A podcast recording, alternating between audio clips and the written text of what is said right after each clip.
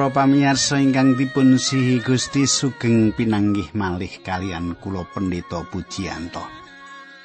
Kados padatan kula badhe sesarengan kalian panjenengan satu sakdal menika wonten ing salebetipun adicara margi utami. Adicara margi utami menika nderekaken panjenengan sinau kayektosan-kayektosan ingkang kapratelakaken wonten ing kitab suci kita menika. Saking kayekten-kayekten menika nambahi kawruh kasukman kita lan dadosaken kegiatan lan teguing kapiandelan kita dumateng Gusti Allah. Nek kula monggo nyaket kalian kula mriki sugeng midhangetaken.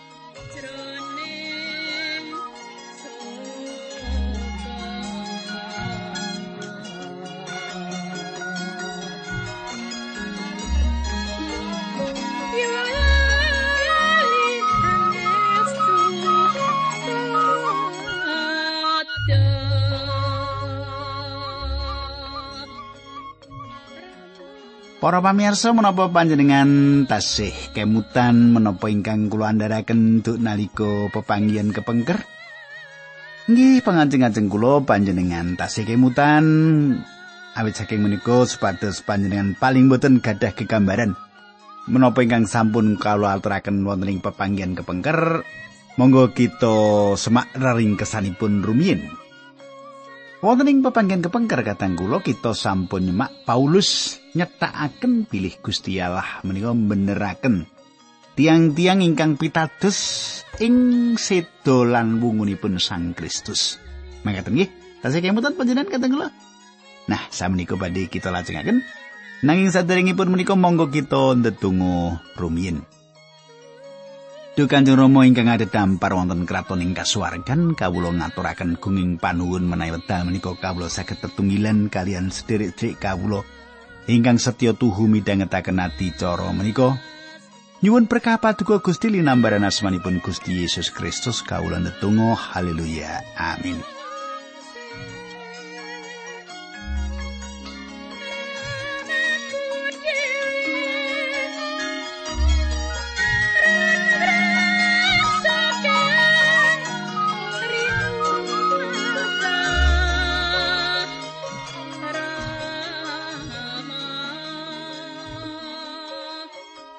Para pamirsa, samenika pasinaon kita sampun lumebet serat rum kangsa.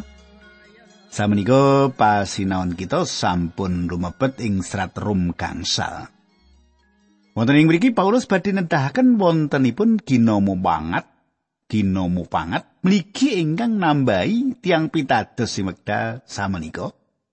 Menawi tiang-tiang pitados dumateng Sang Kristus ing wekdal tiang menika dipun beneraken awit iman, pracaya ing salebeting panebusan ingkang kita tampeni ing salebetipun Sang Kristus.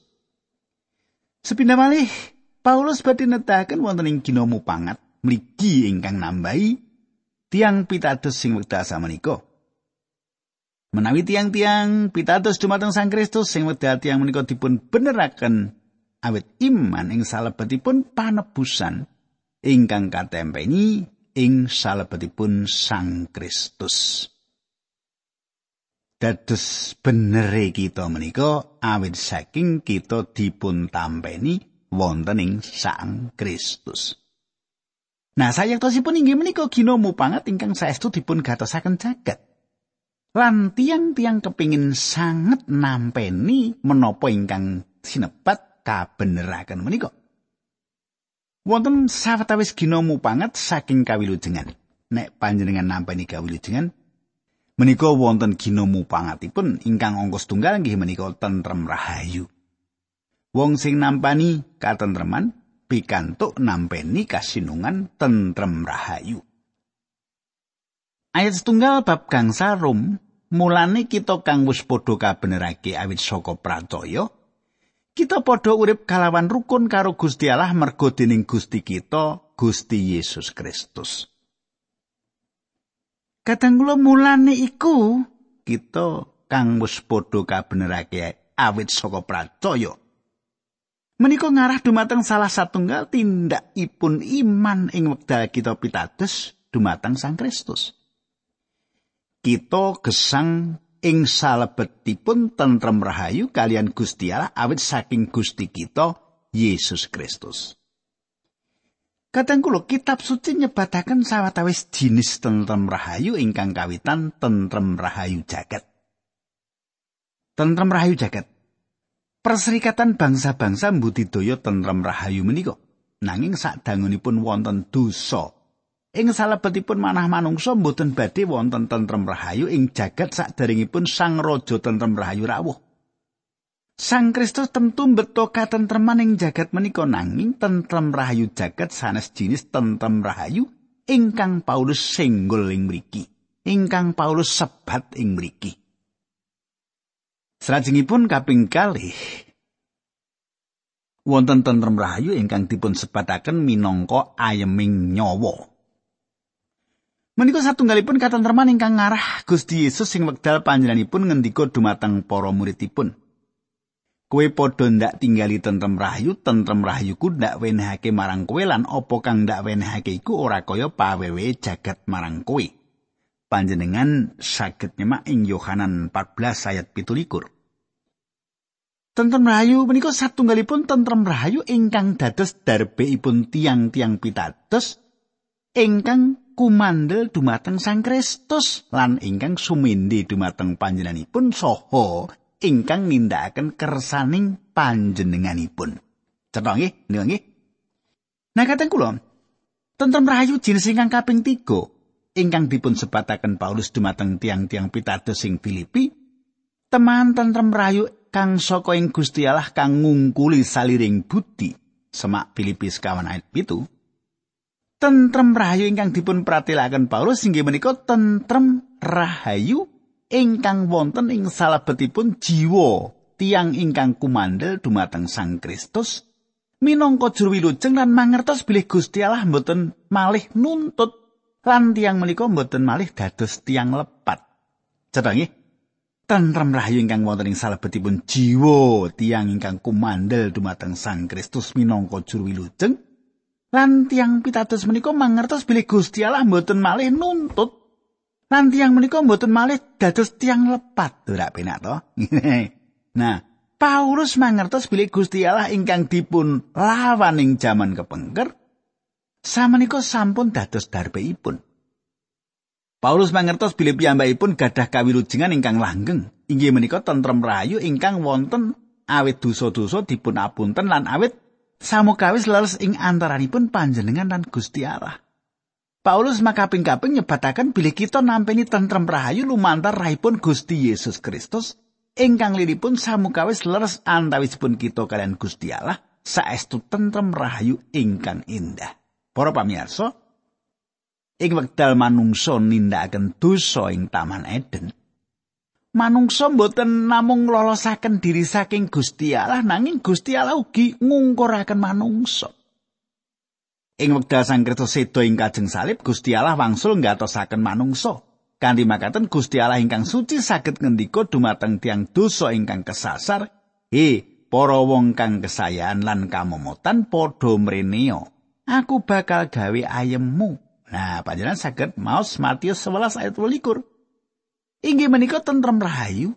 Gusti Allah kersa rukun panjenengan boten sisah tumindak menapa-menapa kangge saged rukun kalian panjenenganipun. Panjenengan boten betahaken loh kangge nglembutaken manahipun Gusti Allah.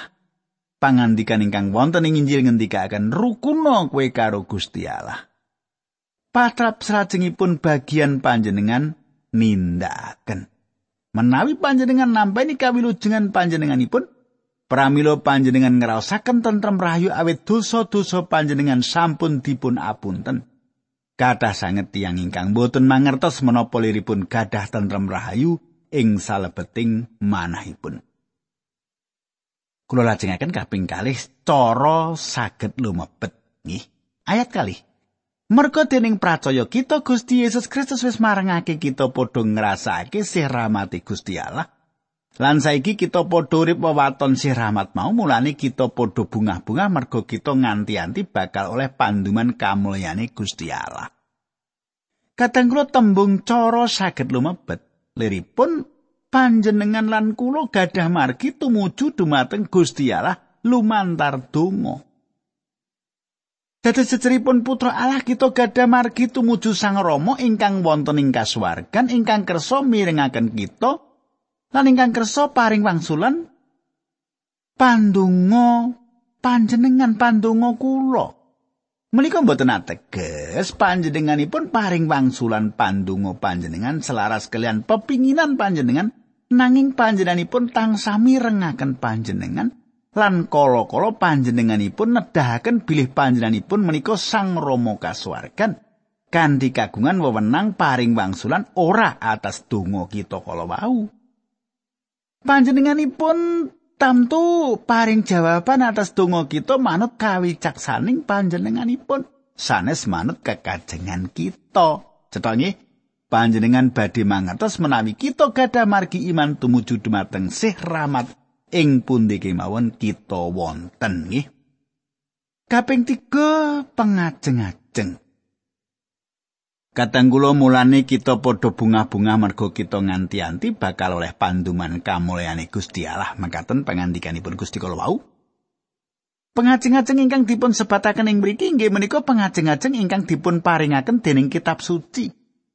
Paulus meratelaken dumateng Titus saiki kita lagi padha nganti-anti tekani dina sing dadi pengarep-arep ya kuwi dina kababaring kamulyane Allah kang Maha Agung lan Sang Juru Slamet Gusti Yesus Kristus. Panjenengan saged waos Titus kalih ayat 13. Ngentosi rawuhipun Gusti lan ngedalaken pasaman kagunganipun saking jagat menika inggih menika pengajeng-ajeng luhur lan menika tentu dumados sing wekdal panjenenganipun ngejawantah.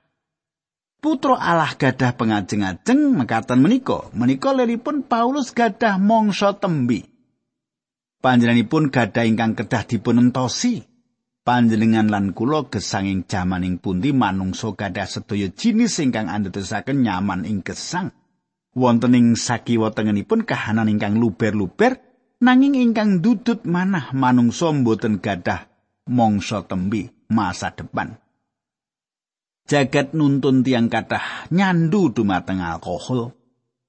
Jagat nuntun tiang kathah nyandu dateng obat bius. Jagat nuntun tiang kathah nuntun dateng margi-margi ageng ingkang tumuju dateng karisakan kenging menapa awit tiang-tiang menika sampun kecalan pengajeng-ajeng kekayutan kalian mangsa tembinipun. Putra Allah gadah pengajeng-ajeng pengajeng-ajeng ingkang kebak berkah. Putra Allah mangertos bilih Gusti Allah nderek cawe-cawe ing samukawis kangge anda tengaken kasainan. Pirsani Rom 8 ayat 23.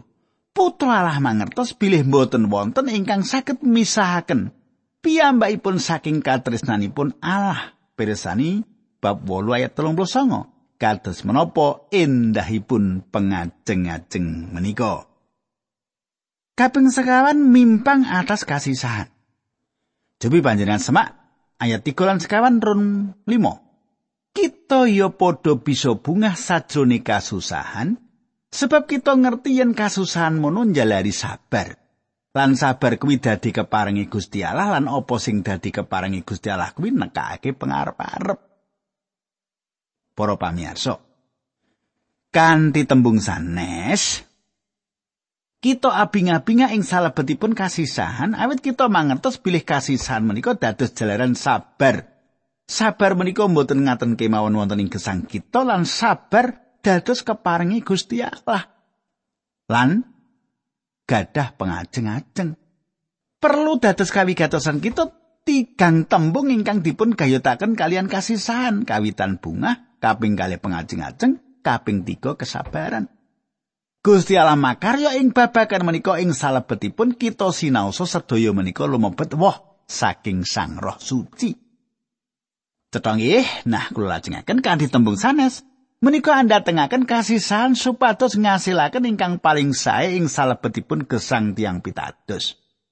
Satunggal-tunggalipun cara Gusti Allah supados tiang pitados sing gesangipun ngasilaken woh inggih menika kanthi mapras pang-pangipun jagat caranipun benten menawi panjenengan dados tiang ingkang dereng pitados ingkang wonten ing salebetipun kahanan ingkang ngremenaken lan nyaman lan boten kagubel kasisahan pramila panjenengan saged abinga-binga saged ugi sabar lan panjenengan gadah sekedhik pengajeng-ajeng ing wedal panjenengan lampahi gesang.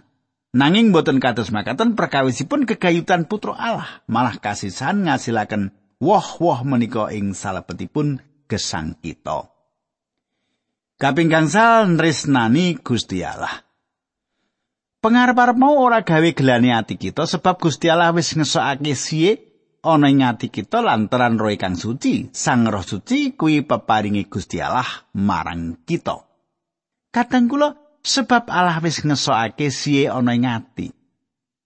Mboten ateges sehipun kita ingkang dipun sokaken dumateng Gusti Allah. Liripun sehipun Allah dipun sokaken dumateng kita. Lan sehipun menika dipun dados nyoto awit dening Sang Roh Suci ingkang dipun paringaken dumateng kita.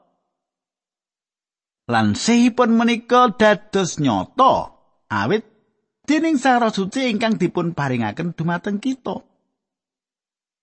Nah, kaping 6 Sang Roh Suci.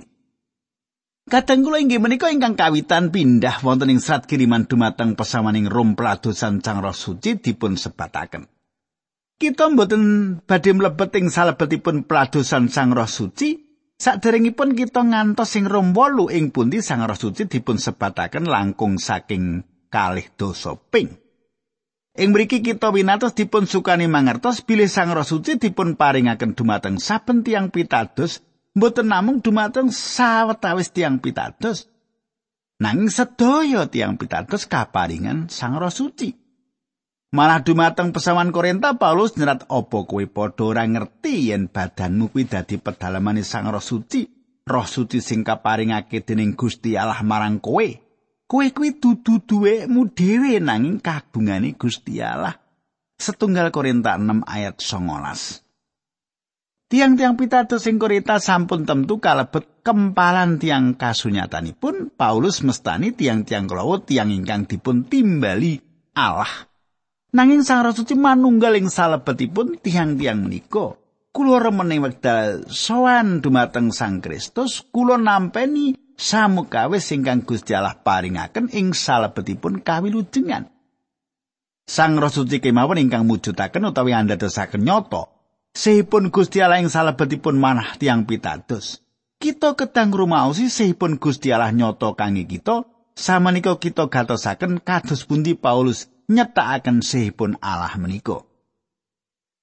Ayat 6 Nalika kita ora kecunggah nyelametake awak kita dhewe ing wektu sing wis katentokake dening Gusti Allah, Gusti Yesus Kristus sedo kanggo kita para wong dosa. Kadang kula Sang Kristus sedo kangge tiang-tiang duraka, boten kangge tiang-tiang kang sae, nanging tiang-tiang dosa ingkang duraka.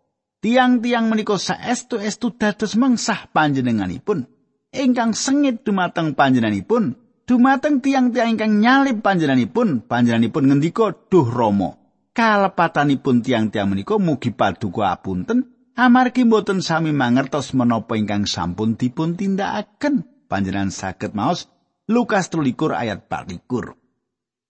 Panjenengan kula dipun anggap tiang-tiang ingkang duraka sayektosipun Gusti Allah boten milu jengaken panjenengan awit katresnanipun. Gusti Allah mboten saged mbikak kori wingkingan ing swarga lan mlebetaken tiang-tiang dosa ingkang katutupan pepeteng lan panjenenganipun mboten saged mbikak kunci swarga lan ngejaraken tiang-tiang dosa mlebet. Menawi panjenenganipun nindakaken panjenenganipun boten langkung saking hakim ingkang reget ingkang ngwalaken tiang awon mekaten kemawon Gusti Allah kedah tumindak menapa kemawon atas kalepatan tiang-tiang dosa. Kedah wonten pengadilan.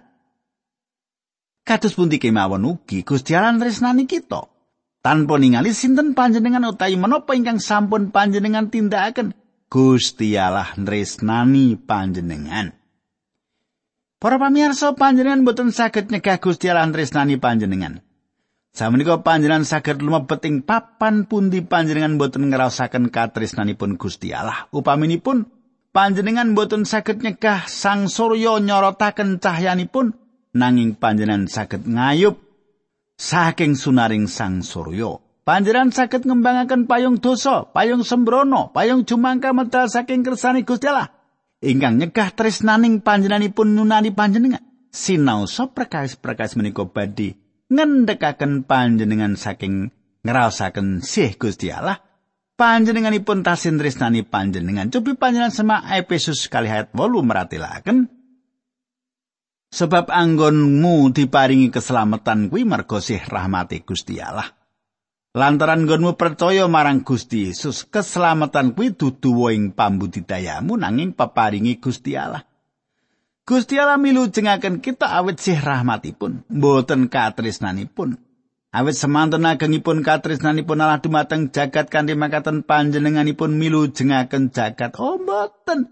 Nanging inggih menika ingkang dipun tindakaken awit saka gedhening sih katresnani Gusti Allah marang jagat, nganti panjenengane ngurbanake putrane untang-anting supaya saben wong sing pracaya marang Sang Putra mau ora nemu karusaan nanging ngalamono urip langgeng. Yohanan telu ayat 16 Gusti Allah sampun nedahaken katresnanipun dumateng panjenengan. Kanthi makaten panjenenganipun maringi putranipun supados sedo kangge panjenengan. Panjenenganipun bayar paukuman atas dosa panjenengan lan Gusti Allah kita ingkang suci saged milu jengaken panjenengan menawi panjenengan lumampah ing marginipun. Mesti kemawon panjenengan kedah manut marginipun menika sanes jagating panjenengan. Menika inggih menika jagating panjenenganipun Gusti Allah. Panjenengan lan kula mboten ingkang damel pepaken-pepaken Gusti Allah. Panjenenganipun menika ingkang yasa pepaken-pepakenipun. lan panjenenganipun paring pangandikan boten wonten satunggalipun tiang kemawon ingkang saged sowan dumateng panjenenganipun menawi boten lumantar Sang Kristus. Cobi panjenengan persani Yohanes 18 ayat 6 nggih, mangke nggih nek pun kula pamit gitu. Itu saiki gitu. Kula lajengaken rum kang sayat pitu makaten surasipun. Ora gampang golek wong sing gelem mati senajan kanggo wong sing bener pisan bisa kono sing gelem mati kanggo nglabuhi wong sing becik. Kadang kula menapa wonten tiang ingkang purun pecah kangge panjenengan? Menapa saged panjenengan ngitang tiang-tiang ingkang purun pecah kangge panjenengan? Menapa saged panjenengan nendahaken satunggal tiang kemawon ingkang saestu tresnani panjenengan kanthi makaten purun pecah kangge panjenengan? Panjenengan tamtu kemawon saged nedahaken kanthi nuting nedahaken satunggal driji awet Gusti Allah saestu tresnani panjenengan ngantos ngutus putranipun supados pecah kangge panjenengan. Ayat 8 nanging Gusti Allah wis ngetingalake marang kita sepiro gedene sih marang kita awet Sang Kristus wis nglampahi sedo kanggo kita nalika kita isih padha ana ing sajroning dosa. Para pamirsa, Gusti Yesus sedo kangge panjenengan lan kula. Inggih menika cara Gusti Allah mbikak katresnanipun lan Gusti Allah mboten milu jengaken kita awit katresnan. Panjenenganipun milu jengaken kita awit sih rahmat sebab kalepatan dosa sampun dipun sucikaken lumantar sedanipun Sang Kristus lan panjenenganipun saged ngegaraken astanipun lan milu jengaken panjenengan ing wekdal menika. Kaping pitu nggih menika uwal saking bebendu. Menapa kateng kula? wal saking bebendu monggo panjenengan semak ayat songo. Mergo saka sedane Sang Kristus kita saiki wis padha katunggilake karo Gusti Allah. Mulane saiki kita saya luwih yakin yen kita mesti bakal padha dislametake dening Sang Kristus saka bebenduning Allah. Kadang kula bebendu ingkang dipun sebataken ing mriki nggih menika ingkang dipun pangandikaken para nabi. Sefanya si jihad gang 11 dina kuwi dinaning paukuman. dinaning karubetan lan kasedian dinaning karusaan pepeteng lan kaanan sing sunem. Dinaning mendung sing peteng ireng gegirisi kadang kula menapa ingkang dipun kajengaken dina kuwi dinaning paukuman menika? Inggih menika ingkang dipun sebat mangsa kasangsaran ageng dening Gusti Yesus. Lan Paulus nyukani mangertos tiang-tiang pitados bilih kita tentu dipun wilujengaken saking bebenduning Allah. Kita sampun dipun milujengaken saking paukuman dosa panjenenganipun terus-terusan milujengaken kita jaman menika saking panguasipun dosa lan panjenenganipun tentu milujengaken kita ing jaman ingkang badhe tumugi saking wontenipun dosa. Menika leripun saben tiang pitados badhe nilaraken bumi menika kanthi raos sukorno kita badhe saking dinten bebendu mboten awet kita pantes nanging awet kita sampun dipun milujengaken dening sih rahmatipun Allah Kita sampun dipun wilujengaken dening Sih Rahmat, kita gesang dening Sih Rahmat Allah. Kita sampun dipun wilujengaken dening Sih Rahmat, kita gesang dening sing rahmat Allah, kita dipun wilujengaken saking bebentunipun Allah lumantar Sang Kristus. Ayat sedoso. Biyen nalika kita padha mamungsuhan karo Gusti Allah wae padha didadekake mitrane lantaran sedan kang putra. Luwe-luwe saiki bareng kita wis padha dadi mitrane Gusti Allah, mesti bakal padha dislametake dening wungune Gusti Yesus. Kadang kula Gusti Yesus sedo ing jagat menika kangge milujengaken kita, panjenenganipun kesanging mriku kangge njagi kita tetep wilujeng. Kaping 8 Sukorno ayat 11 saking Rum Kangsal. Ora ngemongake kuwi wae kita padha bunga ing patunggilane Gusti Allah lantaran Gusti kita Yesus Kristus sing dadi mergane kita padha dadi para mitrane Gusti Allah. Kadang kula kita abing-abinga ing salebetipun Gusti Allah. Liripun inggih menika samenika ing pundi kemawon panjenengan? Menapa kemawon perkawis panjenengan panjenengan saged asukurna abing-abinga ing salebetipun Gusti Allah? Panjenengan saged asukurna awit panjenenganipun gesang lan panjenenganipun inggih menika panjenenganipun. Panjenengan saged asukurna awit panjenenganipun nyawisaken kawilujengan kangge panjenengan. Rilo milujengaken panjenengan lan nuntun panjenengan ing ngersanipun ing titi mangsanipun mangke. Menapa dering cekap menapa ingkang kula aturaken menika panjenengan abingah-bingah putra Allah kedah gadah sukurna ing salebetipun manahipun inggih menika wolu gino mupangat ingkang ngiram-iramaken saking kawilujengan. Monggo kita memuji asmanipun Gusti. Nah, kadang kula badhe kita lajengaken dinten candhaipun samenika kita ndedonga. Kanjeng Rama ing swarga kawula matur nuwun. Kawula pasrahaken menapa ingkang sampun kawula andharaken wonten ing asta paduka linambaran asmanipun Gusti Yesus kawula ndedonga. Haleluya. Amin.